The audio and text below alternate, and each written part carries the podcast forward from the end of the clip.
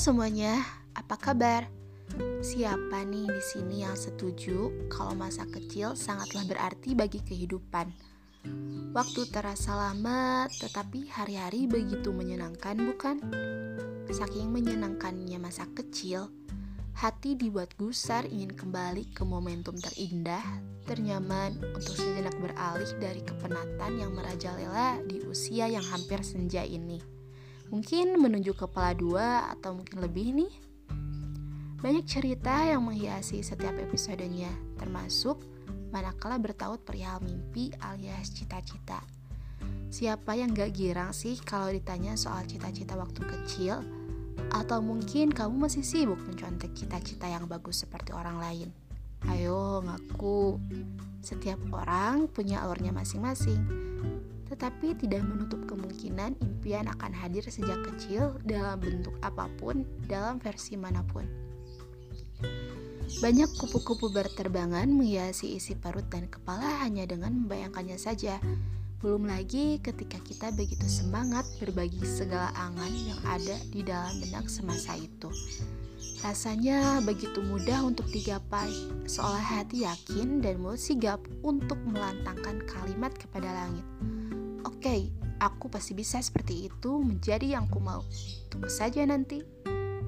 Eits, tapi apakah kenyataannya seperti itu? Apakah kamu masih bisa konsisten dengan impianmu sejak kecil? Mungkin pula kamu saat ini sudah menemukan hal lain yang membuatmu semakin menyayangi dirimu. Ya, this is me. Beberapa episode telah terlewati. Pasti banyak hal yang datang menghampiri. Itu membuatmu menerima beragam pembelajaran yang berarti bagi kehidupan kini ataupun nanti. Sampai tiba di titik ketika harapan dan impian yang diidamkan mesti diperjuangkan saat itu juga.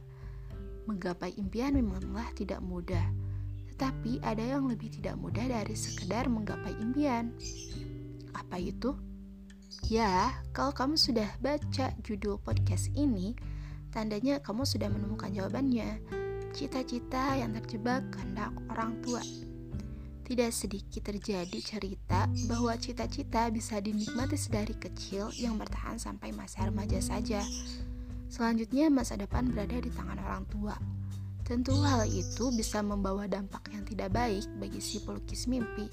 Entah dia melepaskan impiannya dengan terpaksa ataupun berserah, sadar maupun tidak sadar akan menimbulkan keresahan, kekecewaan, dan kehilangan arah bagi sebagian orang.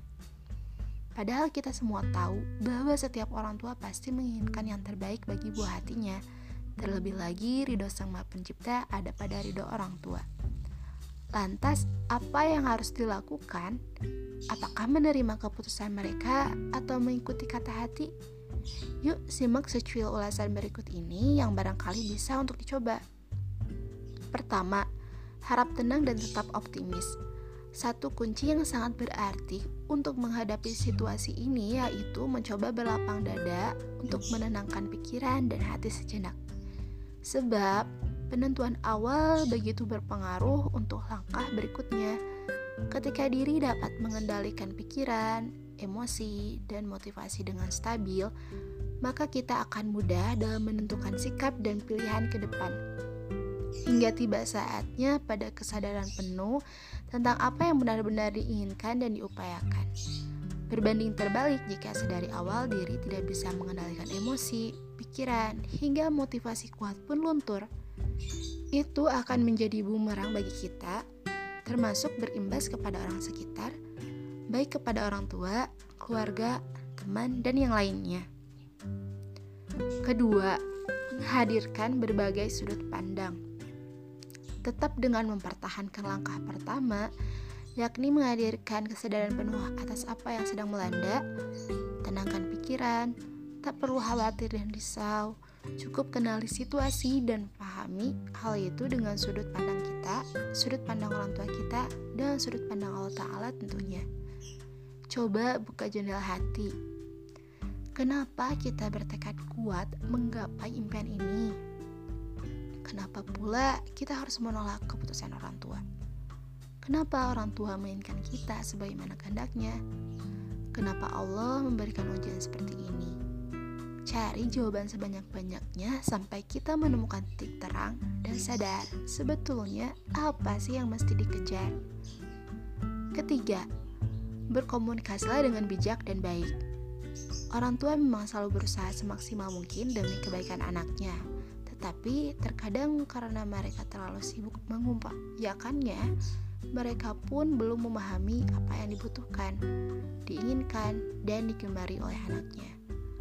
Maka setelah kita memantapkan hati sampai pada titik kesadaran yang membuat hidup penuh arti, cobalah sekali komunikasikan dengan baik pada mereka bahwa diri ini ingin belajar memutuskan masa depan. Tak apa bila respon mereka masih sekeras dan seteguh pada pendirian awal. Meskipun memang tidak ada keberhasilan tanpa adanya ke kegagalan, tetapi tentu akan berbeda jika arah yang diperjuangkan sesuai porsi dan versi yang kita inginkan. Maka tahap selanjutnya kita bisa memberi contoh bahwa kegagalan bisa didapat karena menjalani mimpi yang dipaksa. Hal ini akan perlahan membukakan kacamata mereka dan memberi pemahaman kepada mereka. Lalu, perlihatkan juga beberapa contoh figur sukses dari pilihan yang kamu pilih. Tunjukkanlah bahwa sukses dapat datang dari segala bidang. Keempat, tentukan pilihan. Kita tahu bahwa ridho orang tua sangat berperan penting bagi kehidupan kita, tak terkecuali kesuksesan. Namun setiap orang bisa berbakti kepada orang tua tanpa menyampingkan kemampuan dari dirinya. Jika kita masih bimbang akan kedua pilihan, enggan mengembangkan dan merasa masih belum berani menolak permintaan orang tua, maka kita bisa menjalankan apa yang orang tua inginkan meski itu sulit. Tapi, di samping itu, kita juga bisa mengambil celah untuk memperjuangkan impian sesuai dengan versi kita. Siapkan terlebih dahulu diri ini sejak awal ketika mereka tak merestui pilihan kita. Bersabarlah dan jangan mudah berspekulasi yang bukan-bukan, karena sebenarnya mereka hanya butuh pembuktian. Kalau saja kita hanya mengobrol harapan dan impian tanpa perjuangan yang matang, bisa saja mereka akan ragu atas pilihan kita sendiri. Selanjutnya, jalani pilihanmu sembari memupuk cita-cita. Hingga hal itu akan membuat mereka melihat bahwa kita sedang berjuang tanpa banyak bicara. Secara perlahan coba jadikan hal itu motivasi untuk terus semangat berjuang, juga membuktikan bahwa pilihan itulah yang tepat dan terbaik, lebih membuat kita merasa nyaman dan bahagia. Asalkan kita bisa memastikan diri untuk senantiasa bersabar dalam berproses dan senantiasa memohon pertolongan kepada Sama Kuasa, maka semua itu akan terasa mudah dan ringan. Buktikanlah kepada mereka bahwa kita dapat sukses dengan cara sendiri. Hanya dengan ini kita bisa meyakinkan ayah dan ibunda bahwa kita sudah mantap dan tepat mengikuti kata hati dan keputusan itu. Kita telah mandiri menelusuri masa depan dengan impian yang diidamkan. Pada akhirnya, keputusan tetap berada di tangan kita karena kita yang menjalaninya dan kita yang menanggung resikonya. Resiko terbesar ialah ketika kita tidak mengambil resiko apa pun. Jadi, ketika banyak rintangan yang menguji hidup kita, maka itulah yang membuat hidup kita bernilai. Akhir kata yang bisa aku hantarkan, Semakin umur berdenting, maka semakin banyak khawatir. Tumpul dan bercabang, kesaksian titik lelah, titik rehat, titik berserah. Mungkin sampai tiada lagi pilihan, melainkan dirilah yang harus tiba pada penentuan. Selamat mencoba dan semangat terus berproses ya.